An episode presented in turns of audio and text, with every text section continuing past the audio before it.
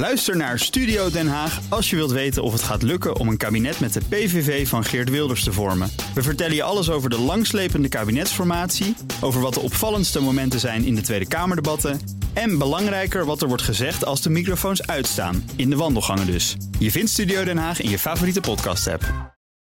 Dit is de Oekraïne Ochtend Update. Mijn naam is Geert-Jan Haan. En ik ben Bernard Hammelburg. We praten hierbij over de laatste ontwikkelingen in Oekraïne. En de gevolgen voor en de reacties van de buitenwereld. Je vindt deze podcast in je favoriete podcast-app. 29 november 2022, het is dinsdag. En we gaan praten met Bernard Hammelburg en Geert-Jan Haan. Onze twee mannen over Oekraïne. Heren, goedemorgen. Goedemorgen. Ja, in- Goedemorgen. In Oekraïne gaven de Russen zich in langs de Dnipro-rivier... om een mogelijke Oekraïnse opmars tegen de, richting Krim tegen te gaan. Als je kijkt op de kaartjes, ja, dan zijn ze inderdaad tot aan de, aan de rivier eh, eh, gekomen.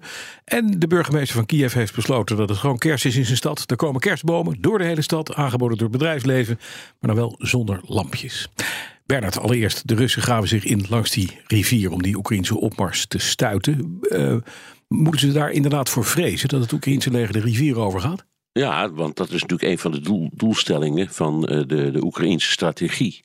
Is om, om de, aan de andere kant van die rivier te komen. Dat is een soort van natuurlijke grens tot Ja. nu hè, in, in deze strijd. Eh, maar eh, een stad als Gerson die heeft een deel dat op, in het oosten en in het westen ligt. En als je het kunt doordringen tot het oostelijk deel, ja, dat, dat is echt een, ik zal maar zeggen, in strategische termen is dat een redelijk magistrale overwinning. Zover zijn ze nog niet. De Russen zien dat aankomen. De, de, de, de omstandigheden zijn barbaars in die hele regio om te vechten.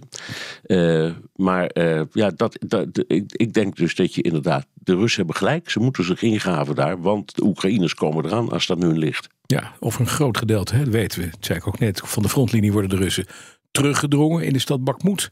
Daar zijn volgens mij van die Wagner-huurlingen aan de gang. Die proberen daar weer terug te slaan. Eh, klopt dat, Gert-Jan? Hoor jij dat ook? Ja, daar is eh, meneer Prigozhin Ja. eh, al langer bezig met zijn privéleger om met Wagner daar eh, tekeer te gaan.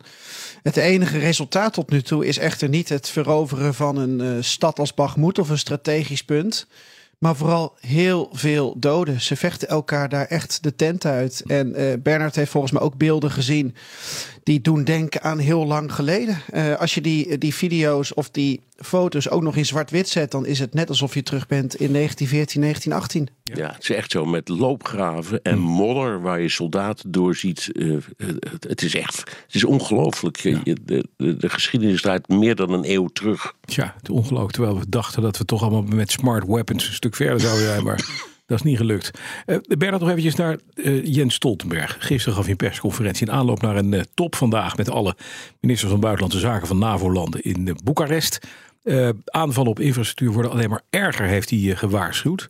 Gaat hij daar vandaag in NAVO-verband iets aan proberen te doen? Ja, dat denk ik wel. Want ze zijn daar duidelijk bijeen om de strategie bij te stellen. Ja. Dat is misschien ook nodig. Er zijn ook gastlanden, hè, dus buurlanden eh, in, in die regio uitgenodigd om daar mee te doen. En ik denk dat eh, daar een van de punten waarover zal worden gesproken. Het verhaal dat gisteren plotseling naar buiten kwam.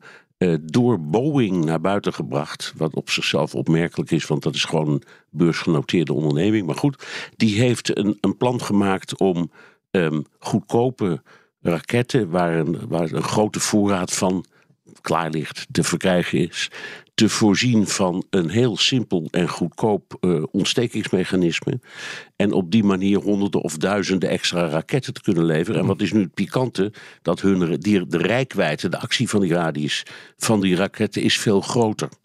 Ehm, Dus de, de, die, die, die kan dus tot in Rusland zelf doelen raken. Ja. Eh, dat is een hele principiële beslissing als ze dat doen. Want tot nu toe is vooral door de Amerikanen steeds gezegd... Geen nee, lange afstandswapens. Ja, Ja. nee, Ja. geen lange afstandswapens. Alleen maar wapens die tot net achter de linies komen. Zodat we de Russen daar kunnen raken. Dus dit zou een enorme omwenteling zijn. En een, ja, het is politiek, zowel als strategisch, denk ik, echt een, een mega... eh, beslissing als Mhm. Ja. ze dat doen. Ik denk dat dat ook op de agenda staat. En Mhm.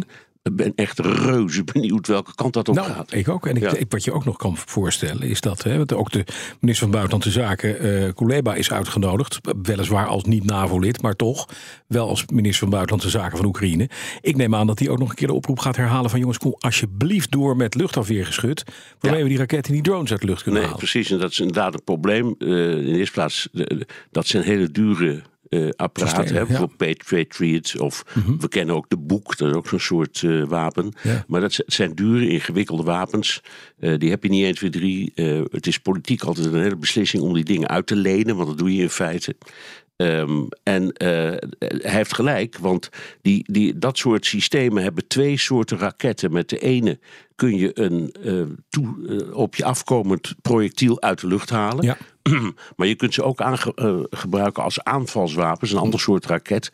Bijvoorbeeld om vliegtuigen of andere voorwerpen of drones eh, te raken. Dus ook dat is altijd weer- een discussie. Mhm. Gaan we die, die toestellen leveren? Waar halen we ze vandaan? Hebben we er genoeg?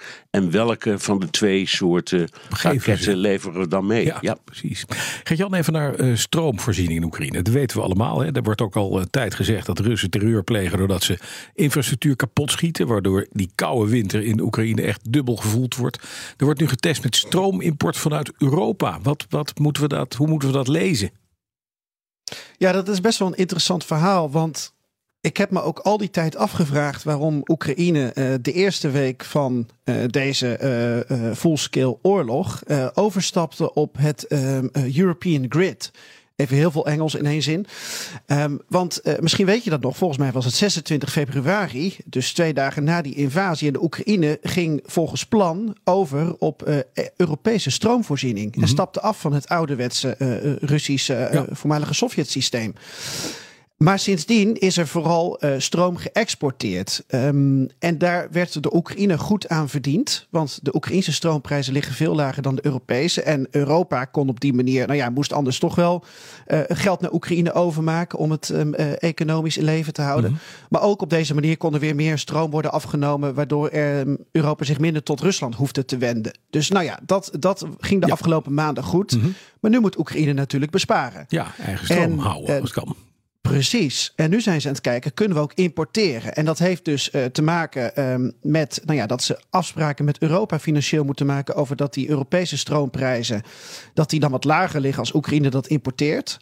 En twee, eh, ik heb me dat even laten uitleggen, eh, technisch gezien, het balans, ehm, de balans van het stroomnet.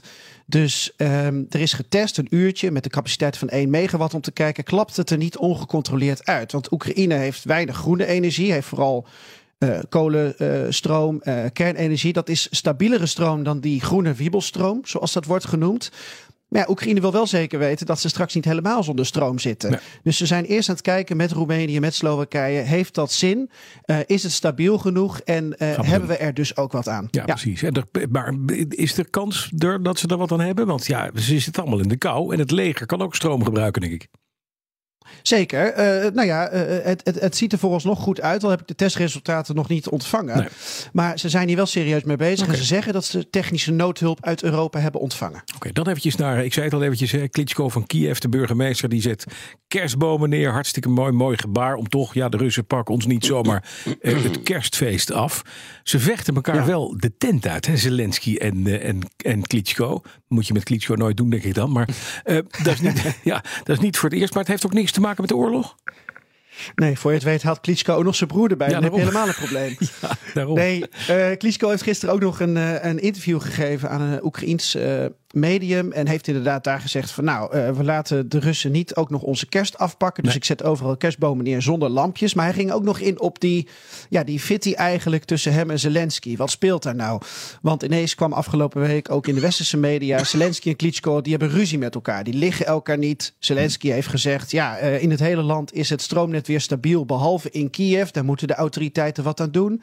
Nou, Klitschko, burgemeester van Kiev, eh, die voelde zich aangevallen. Ja.